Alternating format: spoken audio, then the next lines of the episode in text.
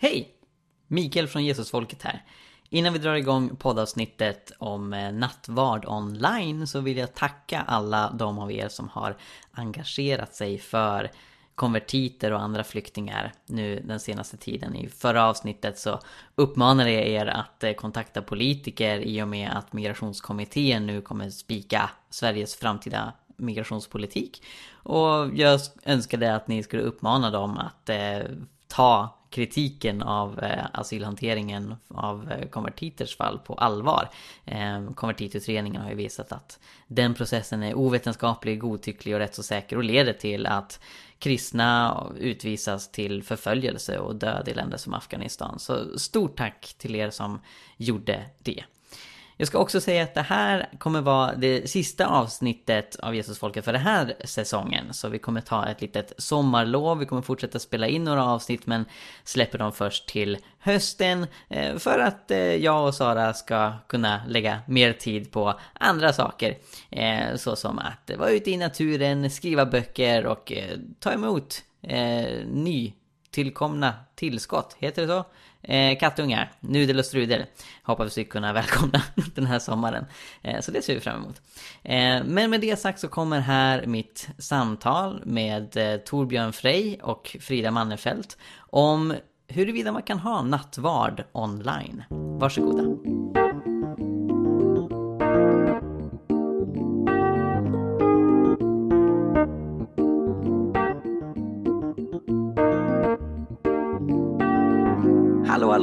Och varmt välkomna till Jesusfolket. Mitt namn är Mikael Grenholm och med mig på videolänk så har jag Torbjörn Frey och Frida Mannerfelt. Varmt välkomna till Jesusfolket.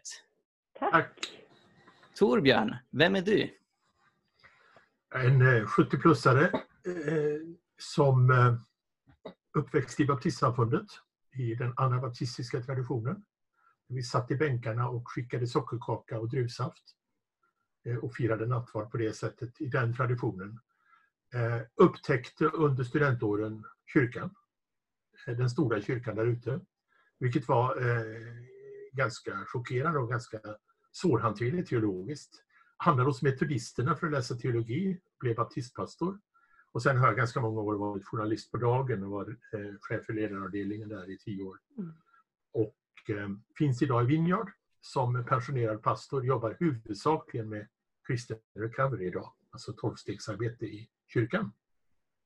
Just det, tack så mycket. Och Frida, vem är du?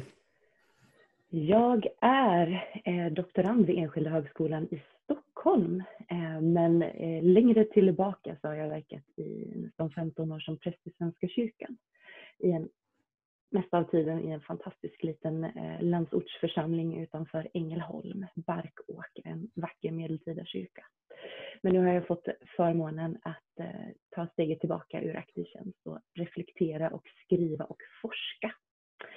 Eh, så mitt eh, avhandlingsprojekt handlar om digitalt förmedlade praktiker. Eh, enkelt uttryckt, vad gör det med predikan i första hand att att vi lever i en digital kultur eh, och med digitala miljöer och digital teknik.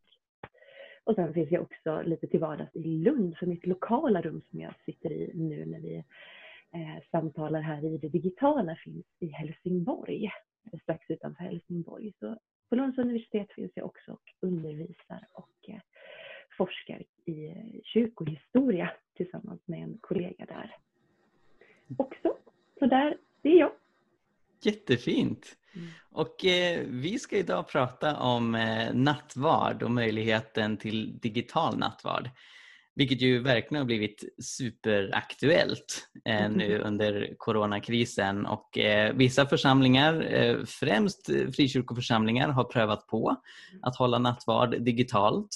Eh, andra sammanhang är eh, skeptiska eller negativt inställda till det och det har startat en väldigt intressant teologisk diskussion om vad nattvard är och hur det skulle kunna uttryckas digitalt. Och Frida, du har skrivit en artikel för Kyrkans Tidning där du eh, med hjälp av just ditt avhandlingsprojekt om digitalt förmedlade praktiker belyser detta från en mängd olika perspektiv. Skulle du, skulle du kunna presentera lite vad, vad du skriver i den artikeln? Åh, oh, kära någon. Eh, ja, alltså, artikeln eh, kom för eh, att jag upplevde att det blev mycket praktik, mycket fokus på praktik, eh, på det teknologiska. Hur gör vi? Eh, och att eh, det fanns fantastiska resurser inom mitt forskningsfält, digital teologi, som vi också faktiskt kunde teologiskt belysa. Ehm, och den här artikeln kan Irenaeus ta emot nattvard eller ej eh, har liksom legat i min dator och, och väntat och så har jag samlat små trådar för att liksom reda ut för mig själv också olika ståndpunkter och olika sätt att tänka. Så det kändes det naturligt att, att få, eh, få skriva samman detta eh, i den situation som vi var i då innan påsk. Eh, men där försöker jag vrida och vända på hur olika teologer har tänkt, hur man har tänkt utifrån olika traditioner. För det är ju väldigt tydligt, precis som du inledde här, att eh, mycket utgår från den teologiska ryggmärgsreflexen och den teologiska tradition man står i. Eh, när man så att säga säger ja eller säger nej eller säger kanske eh, till nattvard online.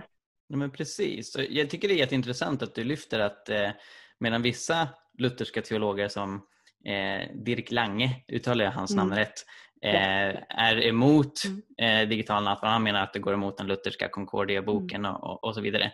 Så finns det andra lutheraner som Diana Thompson som argumenterar för nattvard eh, digitalt från ett lutherskt mm. perspektiv. Hon trycker på att eh, Gud är där vi minst förväntar oss att han är och, och, och sådär. Eh, och det, det, är ganska spännande för det, inom samma rörelse finns röster för, för både och. Det vi har sett här i Sverige är att det tenderar att vara fler frikyrkliga som säger kör på med digital nattvard medan många i Svenska kyrkan eh, är, är mer skeptiska och det har dessutom varit en debatt kring detta ganska nyligen i tidningen Dagen eh, som eh, belyser detta där då 11 eh, präster, jag tror väl all, alla, alla svenskkyrkliga präster dessutom mm. flera e EFS, EFS. Kopplade, ja. Ja, men exakt, exakt. Eh, som väl inte explicit säger att eh, nattvard online är, är fel men, men de, de trycker på liksom, men, en sakramental syn. Och I respons till det så är det några eh, pingstpastorer och teologer som har, har svarat eh, utifrån deras syn som, som de menar eh, lite, vad ska man säga, felaktigt kallas eh, symbolisk eh, för att, eh, alltså, eller snarare så här att, att, att den kallas symbolisk innebär inte att, att nattvarden i sig saknar någon kraft. Eh, Torbjörn, du kallar dig själv för, för eh, katolsk anabaptist. ja, jag, jag kommer ur anabaptismen, alltså ur den här radikalt frikyrkliga. Och så har jag upptäckt kyrkan då och eh, jag menar, till och med förfallit så långt nu i papism att jag har gått ignatiansk vägledning i två omgångar.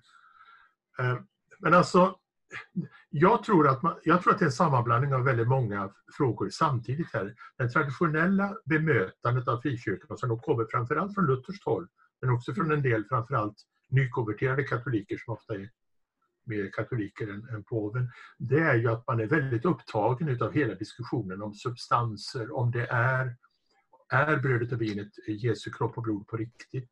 Eller är det som en magnet, en eh, metallstycke som har blivit magnetiserat, alltså är välsignelsen gett detta vanliga bröd ändå en viss kraft att bära och så.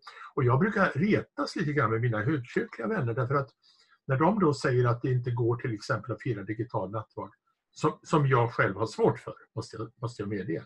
Men, men, men jag måste ändå lite grann gå in på baptisternas försvar där och säga då att Ja, men en del av oss har ju större tilltro till den helige Andes förmåga om vi tror att man också kan ha distansnattvard. Alltså varför skulle inte den helige Ande kunna göra att det blir realpresens? Och realpresens är ett nyckelord här då. Alltså, är Jesus verkligen eh, närvarande? Och vid ett tillfälle på en retreat, när jag var på en själavårdsretreat på Breidagård, så var det en katolsk präst som skulle ha mässa en morgon. Jag frågade om jag fick vara med och då och sa han, ja när du nu frågar måste jag ju svara. Och då sa han, om du erkänner realpresens, alltså Jesu verkliga närvaro. Och då frågade jag, menar du i elementen eller i måltiden? Och då, då säger Claire Rausch, eh, kyrkoherden då, där tror jag du ska sluta fråga. Vi var så, vi var så överens fram till dess. För att jag, jag tror ju nämligen på realpresens alltså, som någonting väldigt, väldigt, väldigt specifikt och eh, men samtidigt har vi ju ett problem då, eh, vi som argumenterar baptistiskt, nämligen i synen på kyrkan. Alltså kan vem som helst säga att han är pastor och sätta upp en egen liten shop och skaffa egna kex och druvsaft och säga att nu firar vi mässa här. Eh, finns det, och, och då, då, då, det blir lite för mycket trolleri för mig om jag ska vara ärlig, det här med om det är möjligt för en helig ande att göra det på distans. Vad då? Jag menar, det är bra för er att jag går bort, säger Jesus, så att jag kan vara hos överallt hos alla. Så det är ju inte problemet, utan problemet är ju om vi individualiserar kyrkan, om vi, om vi fragmentiserar kyrkan. Det, det kan jag tycka är det som tar emot för mig. Så jag är för ögonblicket just i en fasta när det gäller nattvard just nu. Trots att min egen församling, Stockholm Vineyard, faktiskt firade digital nattvard här för några veckor sedan. Men då avstod jag. Som jag gör när jag är katolska kyrkan. Avstår jag. Inte för att jag tycker det skulle vara fel av mig, men det skulle vara fel mot dem att ta emot.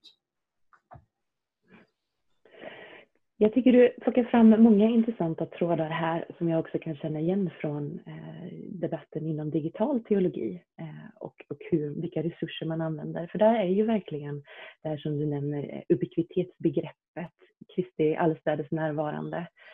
Efter Va, vad hette det sa du?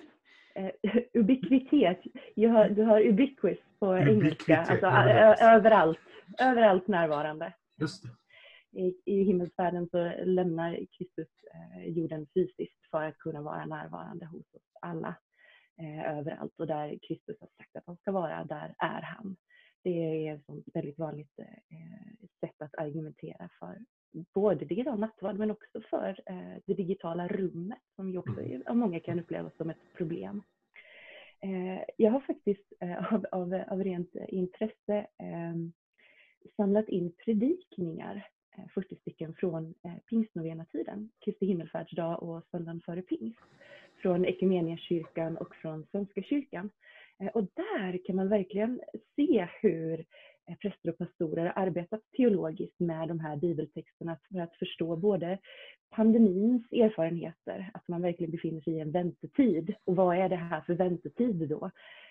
Men också för att förstå det digitala rummet och, och hur Gud kan vara närvarande i nattvard eller hos sin församling och så vidare. Det är väldigt, väldigt spännande eh, reflektioner som kommer fram där. Ja men verkligen. I och med att, att eh, jag är en del av eh, husförsamlingsrörelsen och, och har liksom sympatiserat med husförsamlingar väldigt länge eh, så har jag tagit del av det Richard Cruz har skrivit om nattvarden. Han har skrivit boken Middag med Jesus där han argumenterar för att nattvarden är och, bör vara en riktig måltid. Eh, så han eh, gör en väldigt intressant exeges av eh, bland annat Lukas 22 och, och mm, första Korinthierbrevet 11 där han menar att brödet var det som inledde en judisk måltid Eh, vinet är det som avslutar det och det är det som Jesus lyfter fram. Det står explicit både i Lukas-texten och, och eh, i första Korinthierbrevet att det är efter måltiden som Jesus tar bägaren. Eh, och, och Rickard argumenterar för att däremellan fanns det mat. Och det är väl ganska okontroversiellt när det gäller den första nattvarden eh, som Jesus hade med sina lärjungar för det var ju en pesachmåltid så vi vet att det fanns kött och sallad och allt möjligt där. Va? Eh, och, och det Rickard argumenterar för är att eh, i den tidigaste tiden så, så fortsatte man med det. Så brödet och vinet hade en, en, extra vikt men det var mer som, som start och, och slutsträcka. Eh, och att det fanns annan mat där också eh, var, var okontroversiellt. Eh, och han tycker att det finns en styrka att göra det idag. De allra flesta församlingar gör ju inte så utan man har ju brödet och vinet eh, enbart. Mm. Men Rickard pekar på ett Eh, problem som jag kan hålla med om att eh, kyrkor som trycker på en sakramental förståelse av nattvarden eh, betonar en hel del gånger att det är så viktigt att vi har det så nära originalet som möjligt. Så till exempel eh, kristna och teologer som argumenterar för att det är viktigt att vinet innehåller alkohol eh, mm. gör det ofta med argumenten för ja, men så var det ju från början och vi vill ha det så likt det ursprungliga som, som möjligt. Eh, och där finns det ja, men det, det skaver lite för mig för att eh, när, när nattvarden är så lite, att det, att det bara är en tugga bröd och en klunk vin, eh, så är det fortfarande ganska distant från vad, vad ursprunget var. Eh, så jag kommer in i, i den här hela diskussionen från ett lite annat perspektiv. För mig, så att, att sitta i sitt hem eh, med, med lite bröd och någon form av dryck jag är väldigt vidsynt när det gäller liksom själva dryckesinnehållet. Eh, för mig blir det snarare mer likt ursprunget utifrån att husförsamlingar var det som dominerade i den tidiga tiden. Sen att sätta en dator eller mobil framför och eh, liksom göra det online med andra, det var ju inget som Jesus apostlarna gjorde. men, men där, där blir det en fråga, liksom, är, är det att jämföra med att vi pratar svenska istället för arameiska eller är, är det någon, en, en nymodighet som, som liksom, eh, förändrar eh, ursprungstanken? Och, och, Det jag tycker är det starkaste argumentet mot eh, digital nattvard är argumentet att man förlorar gemenskap eh, på det sättet och att, att man behöver samlas eh, konkret för att det ska vara nattvard. Eh, Torbjörn, vad vill du säga angående det? Jo, det finns en intressant eh, norsk missionspastor som jobbade med de här frågorna och eh, apropå det här nu med, med måltiden, Edin Lövås som ju eh, inte lever längre men grundade hela retreatrörelsen i Norge. Eh, han var väldigt mycket i Sverige för att han var förföljd i Norge som missionsförbundare eftersom han var smygkatolik. Eh, men han han talar för agapemåltiden i hemmet och han skiljer då på agapemåltiden och nattvarden och ser då alltså nattvardsfirandet som en avslutning av agapemåltiden. Alltså integrerar, Man ska bryta bröd i hemmet. Man ska och göra det runt en måltid. Men han behöll den lite liturgiska och sakramentala eh, fokuset på nattvard men integrerade den och lite grann har ju egentligen ortodoxerna det när de då ger oss ett brödstycke på slutet där. Så är det ju inte konsekrerat bröd, det är bara välsignat. Så. Och, då, och då, är, då, då tar de in gemenskapen med hela mänskligheten och jag som gäst då som, som ändå inte är en del av kyrkan, jag är ju utanför kyrkan i en ortodox gudstjänst, så, så får jag ändå bröd på väg ut. Eh, så det där går att kombinera. Sen vill jag bara nämna, och det får vi ta upp en annan, kanske en annan diskussion en annan gång. Men jag vet att Mikael Bedrup har gjort en intressant uppsats där han har granskat det här påståendet att det måste vara alkohol. Därför att det är ju också frågan om då om man ska förleda eh, nyktra alkoholister till återfall med sakramentet. Det, och då finns det ju en ganska... En, finns ju de då som menar att då är det ett extra beskydd, men det är ju ungefär samma i det som att säga att vi kan strunta i coronarestriktioner för vi har ett alldeles speciellt beskydd. Eh, som Rodney Howard Brown argumenterade i Florida till exempel. Eh, det blir ju ganska bisarrt. Men, men det här med måltiden, alltså Rickards eh, argumenterande går att sympatisera med utan att för den skull kasta ut en mera sakramentalt nattvardsfirande. Jag tycker det skulle vara det bästa av två världar. Att fira i hemmen på det sätt han beskriver men ändå veta vad vi gör när vi firar nattvard. Att det är inte liksom vi åt, drack en Coca-Cola och en fralla som är Bergårds dikt då, när hon leker lite med det temat i en, en av sina tidiga dikter. Mm. Ja, jag tyckte, du skickade texten till mig innan, eh, Rickard Kroos text, eh, också för att, att beskriva lite av, av din nattvardsvin. Och jag blev så glad när jag läste den, också för att jag kände det här lilla rycket i den teologiska ryggmärgsreflexen eh, som eh, jag eh, har upp, fått uppleva så mycket av när jag har eh, liksom lämnat min tjänst i den lilla församlingen där man lever så nära sin egen tradition och i mötet med framförallt de frikyrkliga traditionerna men, men också andra. Det blir väldigt tydligt hur den här egna traditionen är en tyngd i en kropp. Eh, och så möter man andra sätt att se och så liksom på något sätt speglas eh, det som man trodde var självklart. Man får syn på vad det är som är självklart, vad som är ens egen teologiska vana. Eh, det finns ett, ett fantastiskt uttryck för det där, the effective gravitational pull of the church. Eh, känslomässiga gravitationen från den egna kyrkan som gör att man, man tenderar att resonera på ett, ett särskilt sätt. Jag tyckte det var väldigt spännande att få upptäcka det. Eh, eh, ett, ett, annat sätt att se och se hur, hur svenskkyrkliga kanske är min egen eh, ryggmärgsreflex som ju säger att naturligtvis så behöver eh, nattvarden, eh, va, så är naturligtvis är nattvarden ett nådemedel. Så det kan jag verkligen rekommendera att läsa. Ehm, jag tänkte på någonting som du lyfte fram här i slutet av ditt resonemang, eh, Mikael. Eh, den här frågan om eh, förlorar man gemenskap i det digitala rummet? Och den där frågan har återkommit under liksom hela den här pandemin. Och jag tycker det är så oerhört intressant. För många av oss har ju den här upplevelsen att det, den digitala nattvarden, det är inte riktigt. Eller det digitala rummet, det är ju inte riktigt den gemenskapen. Det är liksom inte riktigt fullt på något sätt. Eh, och då, då brukar jag ofta fråga, ja men vad är då den här komponenten som skiljer? Om vi skulle sätta ord på vad det är som skiljer det digitala rummet från det lokala rummet, vad är det då?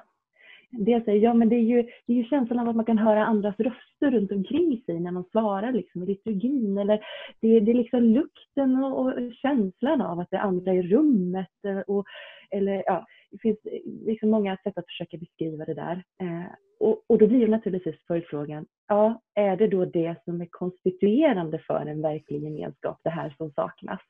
Är det det som är konstituerande för att det verkligen ska vara ett sakrament, det här som saknas?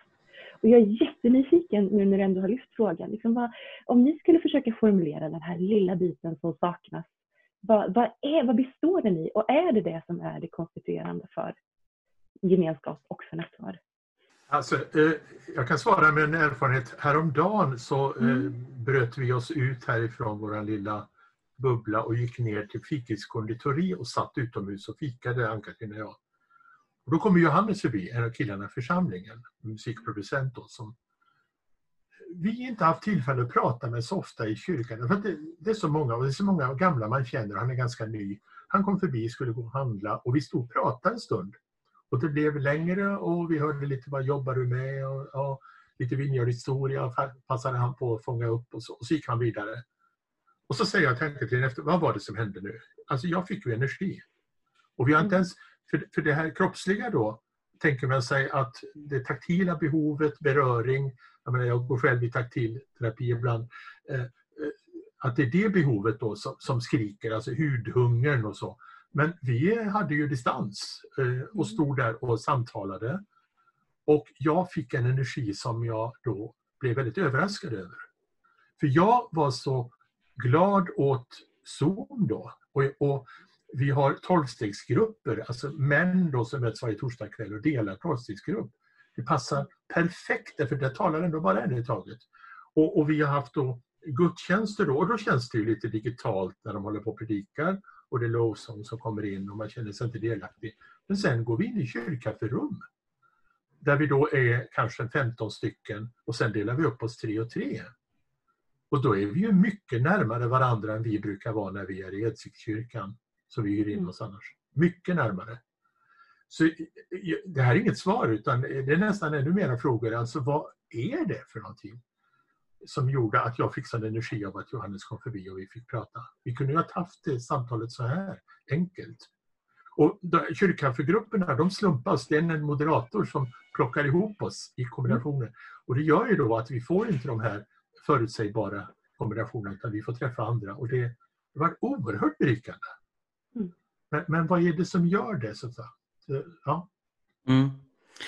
Jag tror också att det här verkligen är en nyckelfråga. Det som gör nattvarden så revolutionerande när den växer fram som praktik i den tidiga Jesusrörelsen är ju att det utgjorde en av väldigt få punkter i det romerska samhället när män, kvinnor, fria, slava, människor av olika nationaliteter, etniciteter samlas och äter tillsammans. Och Det var otroligt laddat. Det ser vi i Nya Testamentet hur det här att, att judar och hedningar äter tillsammans är en, en revolution. Och det börjar den kristna kyrkan praktisera regelbundet. Eh, så, så där är det väldigt tydligt att ja, nattvarden är gemenskapsmåltid.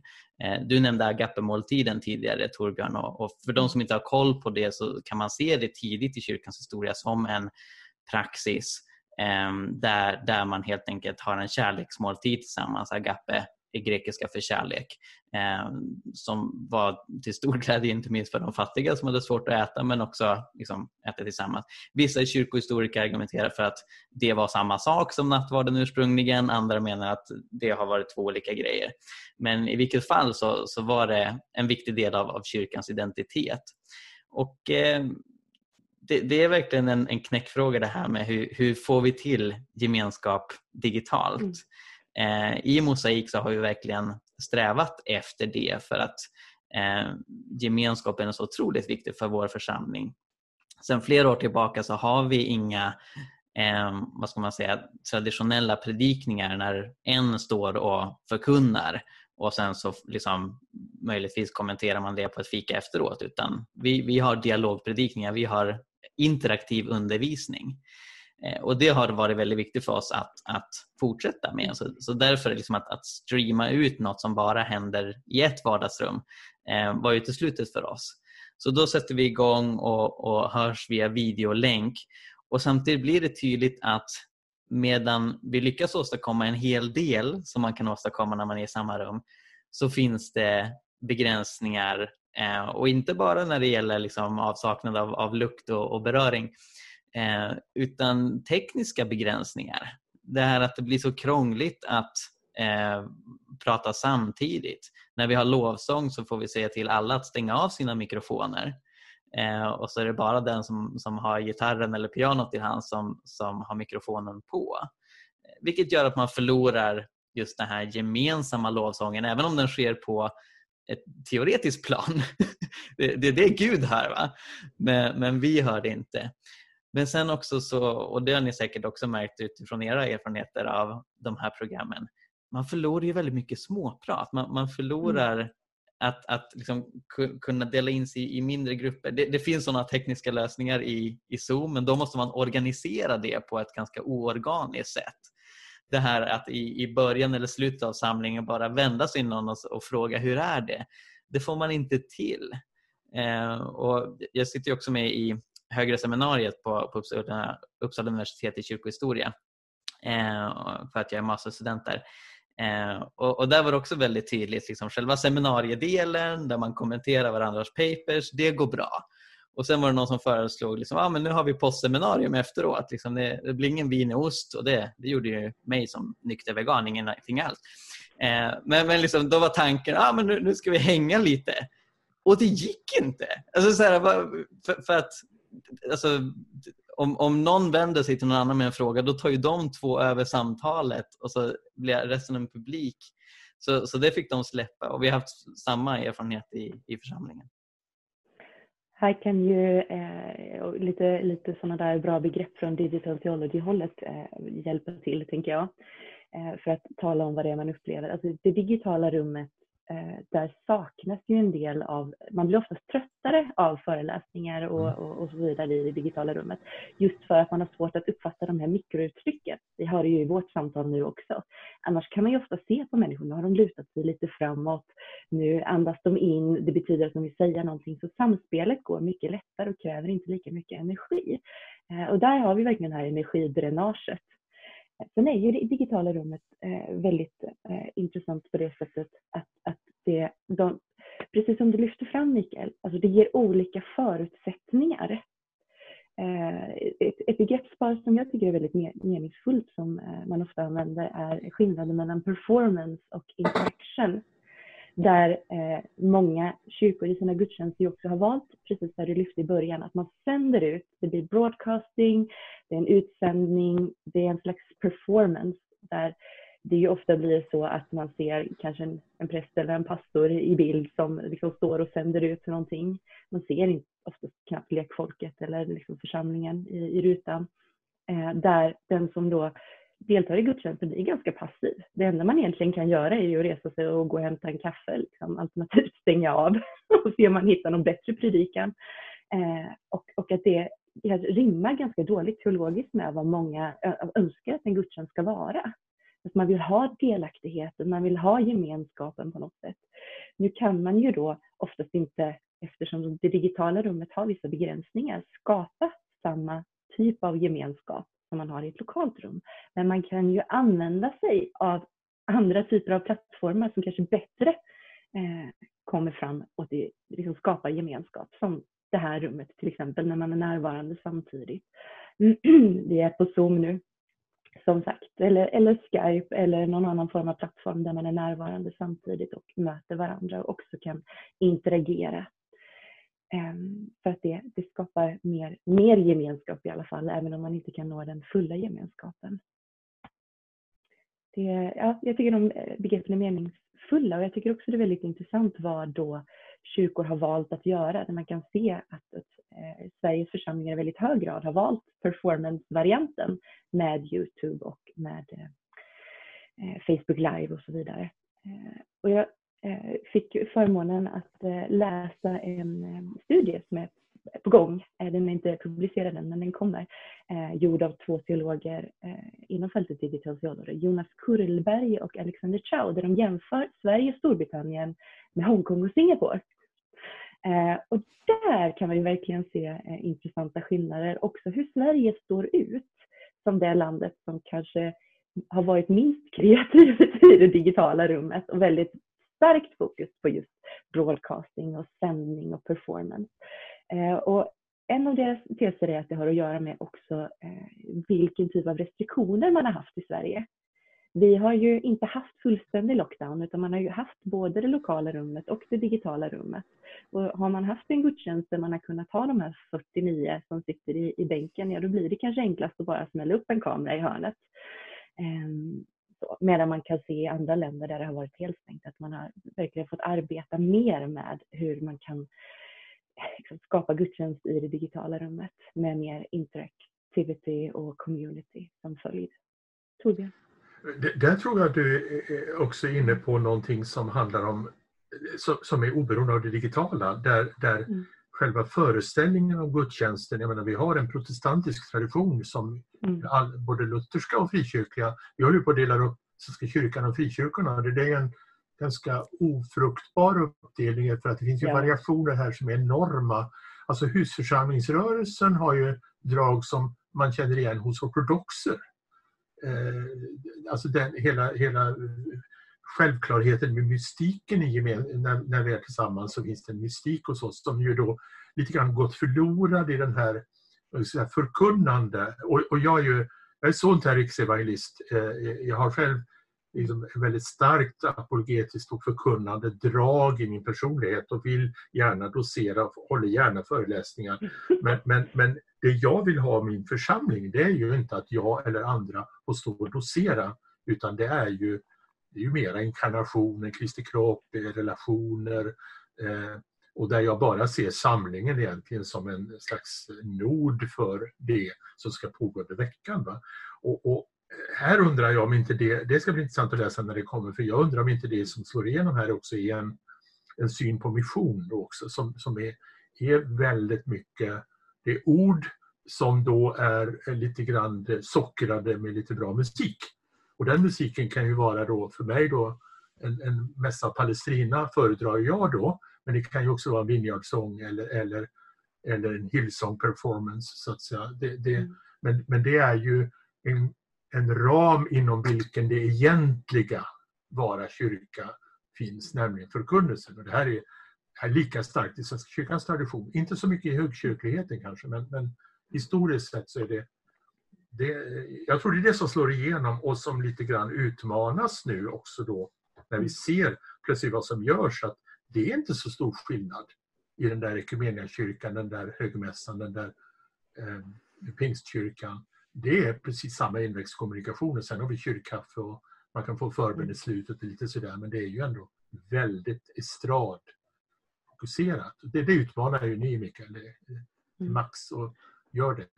Ja, men precis. Mm. Vi, vi har reagerat på när formuleringar i, i dagen eller världen idag använder ordet scen snarare än en mm. plattform och ibland använder pastorer det också. Mm. Eh, och, och, och vår reaktion har varit... Det är väl en bra beskrivning? Ja, precis, vår reaktion det, det är ju det det är. ja. men, men jag skulle vilja dela första gången jag stötte på fenomenet digitalt nattvard. Mm. Eh, vilket var när jag pluggade eh, teologi på Johannelund. Jag tog en kandidat där. Eh, och då så eh, var det en vän till mig som numera då är, är präst i Svenska kyrkan eh, som berättade att han ägnar sig åt mission i Second Life, vilket är ett dataspel eh, som eh, försöker simulera livet någorlunda med lite extrema, jag tror man kan liksom, ja, fara runt i rymdraketer och göra, göra lite allt möjligt. Eh, men själva idén är att du, du, kan skaffa dig ett hem, du kan skaffa dig ett jobb, du kan skaffa dig liksom en familj och, och så vidare. Och så, så, lever du ditt andra liv på nätet. Eh, och eh, det den här eh, killen gjorde då eh, var att eh, han startade en kyrka. Så han byggde upp en kyrka i Second Life och sen så gick han runt och bjöd in gudstjänst klockan 11 centraleuropeisk tid på söndag eller något sånt där. Eh, och fick en liten församling. Så det var folk från hela världen, USA, Israel, liksom alla möjliga länder eh, som samlas där. Eh, och då så ledde han gudstjänsten. Och eh, han upptäckte ganska snart att det var svårt att sjunga salmer tillsammans. Det blev så väldigt brusigt. så han hade de här erfarenheterna för ja, sex år sedan, kanske fem, sex år sedan. Eh, och sen så, ja, han höll lite korta bibelpredikningar eh, och, och, så liksom tände han till i ögonen när han berättade det här för mig och sa att ja, och, och nyligen så har vi prövat nattvard. Det är jättespännande. så han hade inte liksom frågat om lov från, från någon biskop eller något sånt där. Han, han tänkte det här är jättespännande. Va? Eh, och, och då så ehm, uppmanade han de olika församlade, var de nu fanns i världen, eh, att, att ha lite bröd och ta gärna vin om du har, annars tar du något annat. Eh, och, och, sen, och sen så leder jag det här och, och så äter vi det tillsammans. Eh, och, och jag, jag, tyckte att det där var hur fascinerande som helst och uppmuntrade honom för att eh, jag sa det att eh, eh spelvärlden är eh, i, i väldigt hög grad ett rätt eh, outforskat missionsfält. Det finns några in, initiativ, X-spel och sånt där eh, som försöker promota eh, unga evangelister eh, i dataspelsvärlden. Eh, och Frida, du berättade att, att det är egentligen eh, en sån här ingång som, som du började med i, i ditt forskningsprojekt utifrån att du själv är en eh, prästgamer. Skulle du vilja berätta lite om det? Ja, du började prata om spel. Jag kände hur hjärtat började slå fortare. Ja. Eh, jo, alltså eh, jag, jag spelar mycket dataspel själv eh, och eh, när folk frågar mig hur kommer det sig att jag studerar digitalt förmedlade religiösa praktiker så är det ju helt enkelt därför. Alltså erfarenheter av att vara i det digitala rummet och den typen av community som finns där som jag kunde uppleva också påminner så väldigt mycket om mitt church community eh, på vissa sätt. Men att det också fanns skillnader, att det kunde vara intressant att, att eh, också studera de, relationen dem emellan. Men jag tycker det är intressant att du lyfter just nattvard i spel, för en av de första teologerna som eh, diskuterade detta eh, var Paul Siddis, baptistisk teolog. Eh, redan, jag tror det är 2009, så, så lyfte han fram möjligheten att i alla fall utifrån en baptistisk tradition fira nattvard just i, ett, i spelets form. Eh, och där han då menade att, att ens avatar, ens eh, karaktär liksom, in i spelet gick, som gick fram och tog emot nattvarden digitalt och att det då på något sätt också påverkade den egna kroppen. Han fick ganska mycket på huvudet för det där så det går inte längre att hitta hans artikel.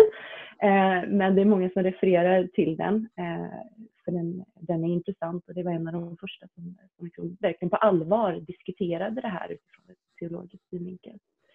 Sen finns det faktiskt studier gjorda just Second Life och den här typen av kyrkor som du beskriver där. Eh, Tim Hutchings, eh, en, en eh, religionssociolog som jag ibland skulle tro är smygteolog, har, har, har studerat kyrkor online. Han har skrivit en, en, en, bok om det där som heter Creating Church Online. Och, och han säger utifrån sin studie att han kan se hur människorna i de här församlingarna online ehm, på något sätt också ge svar på alla de här frågorna som, som vi som teologer gärna har. Och han säger att ja, min ingång i den här studien var ju att alla runt omkring mig eh, talade om eh, att det var möjligt att vara kyrka online, att det inte var möjligt att vara kyrka online, men gjorde det utifrån principer. Så jag tänkte att jag går in och ser vad folk faktiskt gör i praktiken och frågar de som är där. Upplever ni att det här är en verklig gemenskap? Upplever ni att det här är en verklig nattvard eh, med gemenskap framförallt som man studerar? Och hans eh, erfarenhet, eh, eller de, de erfarenheter han fick där från människor var att det här är en verklig gemenskap. Och att eh, han kunde se hur eh, de här människorna eh, efter ett tag också fick ett behov av att träffas i verkliga livet. Och hur de mötena också var möten som folk inte blev förvånade av därför att man hade lärt känna varandra så väl i det digitala rummet. Eh, att man verkligen hade upplevt en gemenskap där med de här människorna. Så att när man väl mötte dem i det lokala rummet så var det, ja men vad härligt, det är ju precis som jag trodde att det skulle vara. Eh, och vi har samma typ av gemenskap när vi möts här. Det kan man ju också se när man studerar eh, dataspel. Eh, det ofta är så i spel som är co-op, eh, bygger på någon form av samarbete där man spelar tillsammans, att folk efter ett tag får behovet av att träffas i det lokala rummet. Jag menar LAN är ju verkligen en sån eh, sak där, där liksom människor verkligen tar sina datorer och åker till en stor lokal bara för att göra någonting med, med den, att också sitta lokalt och mötas eh, i verkligheten. Och jag tänker att det för att sluta prata nu, jag ska inte dosera länge. Eh, men jag tycker det är väldigt intressant och jag tänker att det också är någonting som vi kan ta med oss i den här pandemitiden när det gäller att vara kyrka. Att vi kanske inte ska vara så oroliga för att åh nej, åh nej, nu kommer ingen att vilja komma tillbaka till det lokala rummet igen för att nu kommer de att bli lata på söndagen och förstå att det är mycket skönare att sitta hemma i soffan. Utan att man faktiskt ändå behöver det lokala och man kommer att komma tillbaka. Det såg de i Hongkong till exempel efter FARS att, att de lokala kyrkorna inte dog av när det fanns digitala alternativ. Utan istället så, så är det komplement till varandra. Och jag tror båda behövs. Torbjörn? Du får säga till Mikael hur det är med tidsramen och så, men du får väl klippa så det här håller för din podd. Men eh, jag tänker på, eh, Marshall McLuhan var populär på 70-talet när jag började som journalist. Mm mediet är budskapet. Alltså det, det, det blir skillnad på budskapet i ett tv-program mm. om en flygolycka utanför Arlanda därför att den är ute i skogen dit man inte kan få tv-kameror. Eh, det, det, var ett av de exempel som nämndes i Sverige medan då det som då händer på regeringskansliet, där finns redan kablar framdragna och då är det mera möjligt att förmedla som en verklighet. Mm. Och det finns ett fenomen långt före pandemin eh, det börjar på 70 80-talet med, i Sverige med Rema Bandotek.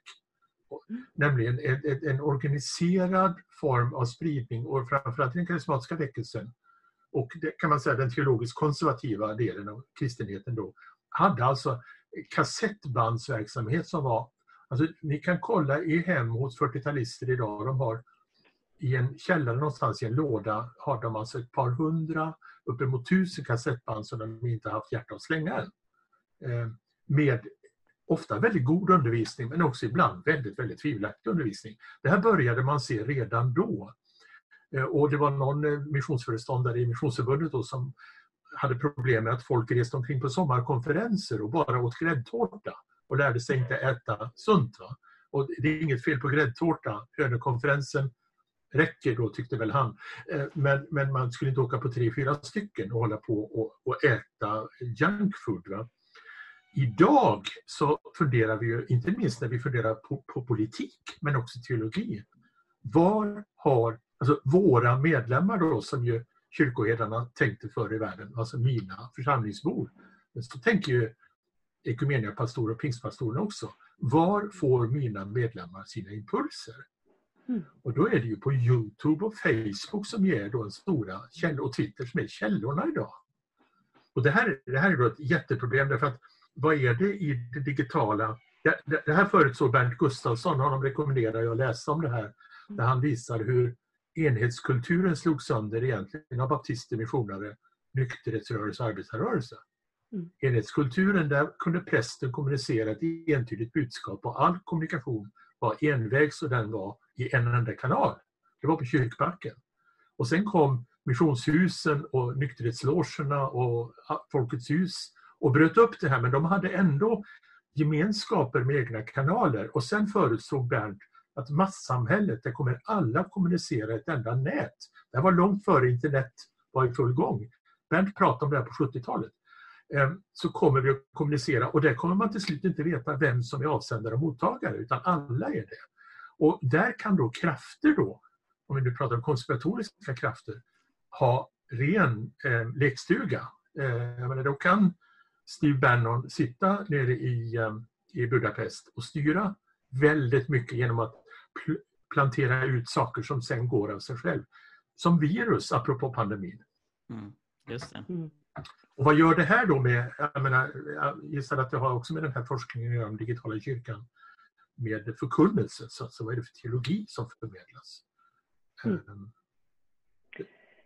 Ja, jag skulle kunna svara på den frågan med en jättelång föreläsning. Men, jag miss... jag men absolut, det, ja. som du säger, att, att äh, medier har ju en viss logik, äh, som vi också varit inne på. Vissa saker blir enklare att göra, vissa saker blir svårare att göra. Äh, man kan se hur, det finns i och för sig inte så mycket forskning gjord, men man kan se vissa, vissa studier gjorda, till exempel när det handlar om bibelanvändning i en digital kultur. Eh, att den eh, tenderar att bli, få mer fokus på, för det är ju det digitala mediets logik, det personliga, den personliga berättelsen, narrativet eh, och eh, hur då bibelanvändningen på något sätt svarar mot det. Eh, och då tenderar eh, verser som eh, Johannes 3.16, så älskade Gud världen, som kanske eh, har mer läromässigt innehåll, att det inte längre har en lika stark ställning, utan att det snarare blir bibelverser med innehåll som Jeremia eh, 29.11. Eh, jag vet vilka planer jag har för er, säger Herren.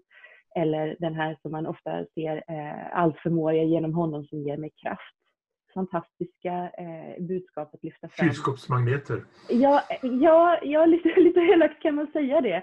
Eh, och, och, jag tänker att man ska inte skratta åt det heller därför att man behöver ju också, ja, ja. Mikaels uppgift är ju att trösta eh, mm. och uppmuntra också. Eh, men, men man kan ju ta sig en funderare på att om det nu är så att en digital kultur uppmuntrar till det mer personliga och, och eh, det här kanske mer eh, praktikorienterade, eller om man vill använda det ordet, terapeutiska, Eh, Eh, medan det här läromässiga blir svårare. Eh, då kanske man ska vara lite uppmärksam på det när man liksom kommer in i det digitala rummet så att man inte bara dras med alldeles för mycket av logiken och de villkor som råder där. För, för det är ju också så att, att eh, det finns studier gjorda på också att eh, de bibelverser och det innehåll som brukar vet, gillas, kommenteras, delas, det är ju då det här terapeutiska, mer liksom individinriktade personliga berättelsen. Medan det läromässiga tenderar att inte uppmuntras lika mycket. Och ja, kristna predikanter är ju bara människor. Vi tycker ju också om att folk gillar och delar. Så att man, man kan lätt bli, bli styrd åt ett, ett, ett håll eh, och, och kanske tappa en, en del som man inte vill förlora. Eh, det finns mycket mer att säga, men om jag bara skulle nämna mm. något. Vi, vi, gjorde en liten sak i, i vår lilla församling, vi är väl en hundratal, Stockholm Vineyard, där vi före karantänen hade redan planerat att göra ett uppehåll för husgrupper i en månad. Det brukar vi göra, en månad, sex veckor.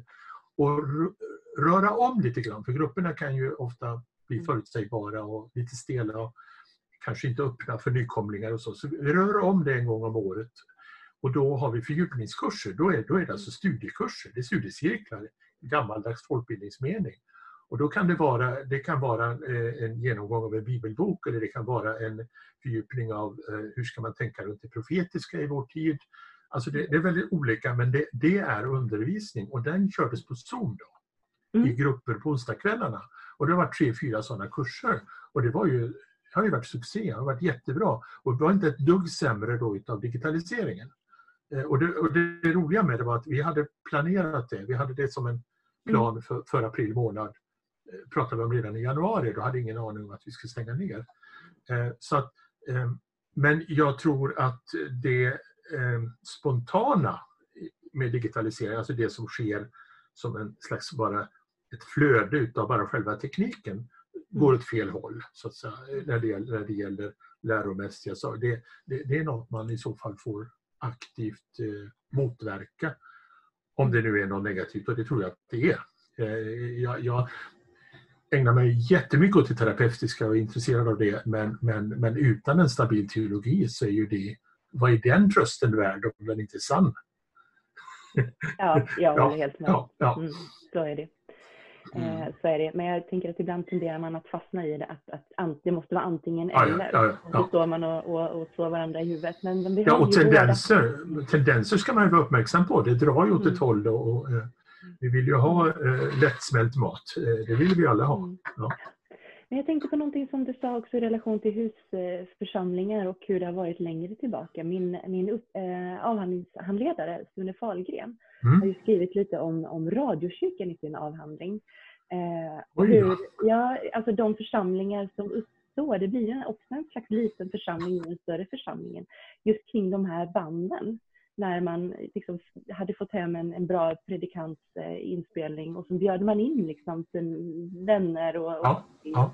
man ner liksom och Stugmöte. Mm. till, ja precis, Mm. till de här predikningarna. Mm. Och jag tänker att det, det är ju också, han brukar alltid påminna mig om att, att det, det digitala är ju inte alltid nytt. och vissa praktiker har ju faktiskt funnits. Så att, att en, en Zoom-församling, är ju, eller en, en, för den delen en husförsamling som har gått digitalt, det är ju också någonting som, som på ett, en praktik som redan har funnits. Jag är uppväxt på 50-talet, 40-49 och under 50-60-talet så minns jag hur vi hade en tävling hemma och det har jag då hört att min frus familj som var i Missionsförbundet höll på likadant, nämligen gissa morgonandaktens samfund. Man, hörde, man kom in mitt i andakten, hörde inte vem det var och så kunde man gissa. Om det då var retoriskt briljant, då var det ofta metodister. Ehm, äldre typer av lutherska präster lät som om de stod i en kyrka utan mikrofon och skulle vänta på det rullande valvet. Man talar på ett visst sätt. Pingstpastorerna de var nasala som Levi Petrus. Och då fanns ju inte Livets Ord, men då hade man kunnat höra det. Alltså det fanns, det gick att höra vad det var för samfund. Det, det intressanta med den ekumeniska utvecklingen och alla Mm. blandäktenskap och så, att det där håller ju inte längre. Det går ju inte, det går inte längre att förutse detta. Ehm, utan, eh, jag menar, Hans Weissbrot och Ulf Ekman låter likadant. Eh, den ena är lutheran, den andra katolik. Eh, men men för, en, för en generation sedan tillbaka kunde man faktiskt höra det i radio utan att se Mm. vem det var och utan att höra på annonsen. Eh, Det var bara en liten, liten anekdot apropå radiokyrkan. Vi, det var tävling hemma så, eh, i en pingsten och vi kunde väldigt ofta pricka in det. Predikans prosodi brukar väl lingvisterna kalla det. precis, Mm. precis. Ja, vi ska ta och, och eh, klappa ihop säcken. Eh, jag tycker det här är otroligt spännande samtal. Eh, ett begrepp som du har med i din artikel Frida, det är in extremis. Att något som vi behöver komma ihåg är att församlingar som nu experimenterar med digital nattvard Mm. gör det på grund av den rådande pandemin. Eh, och det är nog otroligt få som tänker att det här ska vara ett nytt status quo. Eh, och det, det tycker jag är jättebra att, att eh, vi kommer ihåg vad man än landar i om man tycker att, att eh, det funkar eller ej. Att eh, det, här, det här är någonting som, som församlingar gör nu för att eh, omständigheterna är så speciella. Men det är så bra att det här sätter igång ett samtal om nattvardens väsen, om kyrkans väsen och inte minst hur internet påverkar allt det här. Eh, Mm. Emanuel Karlsten har ju många gånger lyft att han tycker det är så märkligt att eh, den kristna kyrkan som ju eh, har en mission att nå världen, som liksom har en drivkraft att komma ut med budskap, generellt är väldigt osynliga på nätet. Och det kan han se rent kvantitativt i och med att han är med och, och utformar listor på eh, de mest inflytelserika tweetsen och de mest inflytelserika inläggen på olika kanaler och så. Och, och, och kyrkan är ofta väldigt långt ner. Eh, så, så jag hoppas ju att det här har satt igång någonting eh, som, som eh, förhoppningsvis gör kristna bättre på att orientera sig på nätet. Och vi har varit inne lite på, på det här med eh, hur, hur tv-spelsvärlden eh, på ett sätt imiterar den riktiga världen och samtidigt annorlunda. Eh, nu slänger jag in en, en het potatis på slutet här. Men det sker ju också en teknisk utveckling när det gäller VR, virtual Mm. reality, som förmodligen kommer göra den digitala världen mer och mer verklighetslik. Och om man ska tro en person som Elon Musk vilket jag själv inte gör men det finns ju vissa som tycker att hans idéer är vettiga. Eh, han, han menar att vi kommer komma till en grad att vi knappt kan skilja den digitala världen från den verkliga för att simulationerna kommer bli så bra. Och, och, även om det inte kommer gå till det stadiet så, så kommer liksom, sån typ av simulation bli mer verklighetslik. Och det gör ju alla de här frågorna än mer aktuella. Just det här att ens avatar tar emot ett digitalt bröd och äter det. När det brödet kommer bli mer och mer verk verkligt, hur påverkar det vår nattvardsgeologi? Och, och dri drivande i den utvecklingen kommer ju att vara, är redan idag porrindustrin.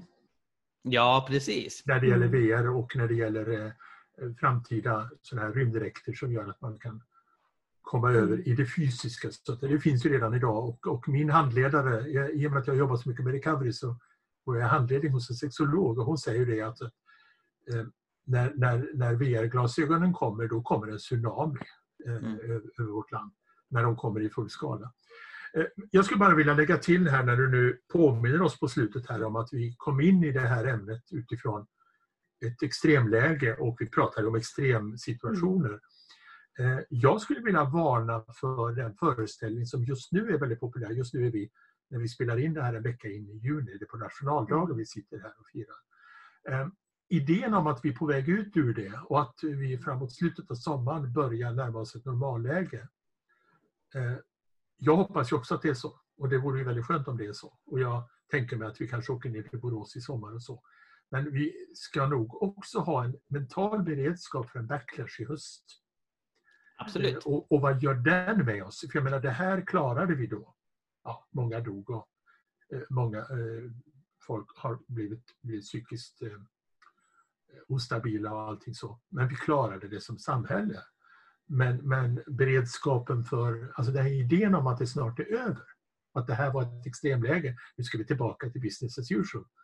Det är jag inte så säker på. Jag vill inte säga mer än så, jag har inga profetior men eh, jag är vanlig, van spanare och jag tycker inte man ser det om man är lite medicinskt eh, normalbildad så ser man att det finns stora, stora risker för backlasher. Och nu i kombination med demonstrationerna, det sociala, vi är tillbaka i 68. Alltså, mm. Vi har läge i USA som, som inte går att jämföra med, no, det börjar bli i klass med Martin Luther King-tiden.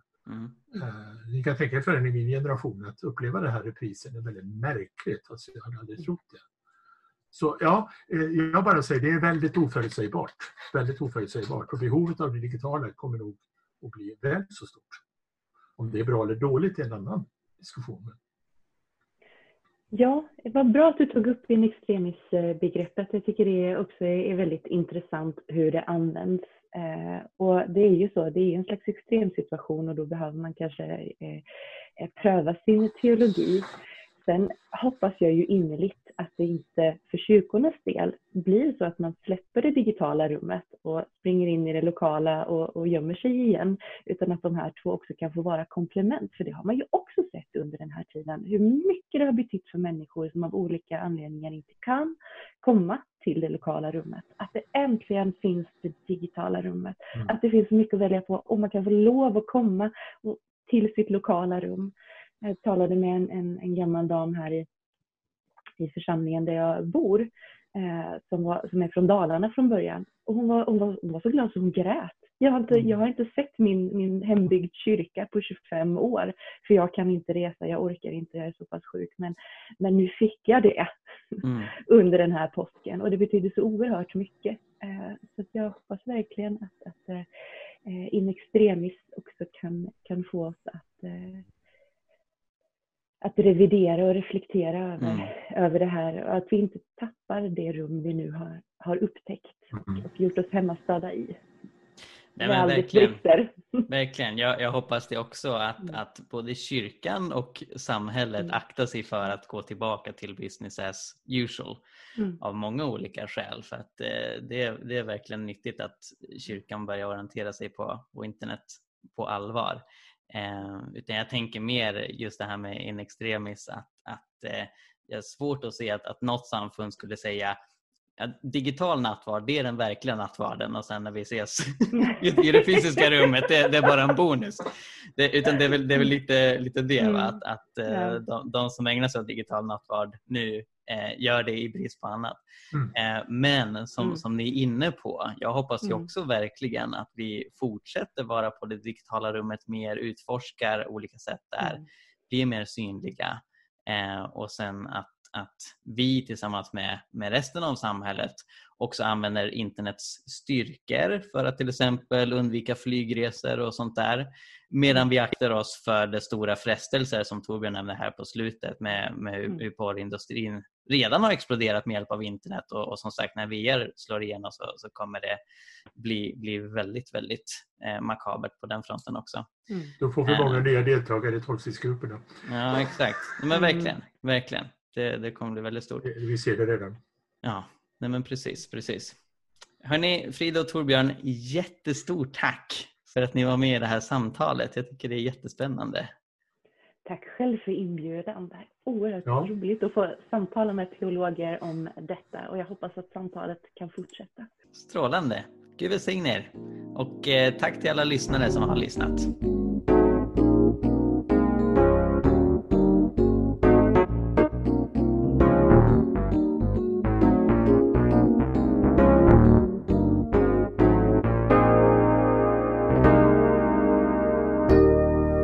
Tack så mycket för att du lyssnade på Jesusfolket.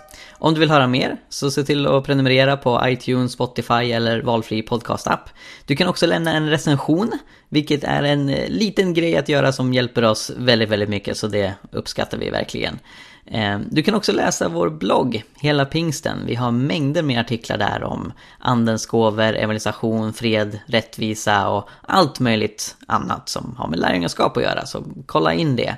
Och vi finns på sociala medier, du kan följa både Jesusfolket och hela pingsten på till exempel Facebook. Tack så mycket, Gud välsigne dig och eh, fortsätt vara en del av Jesusfolket.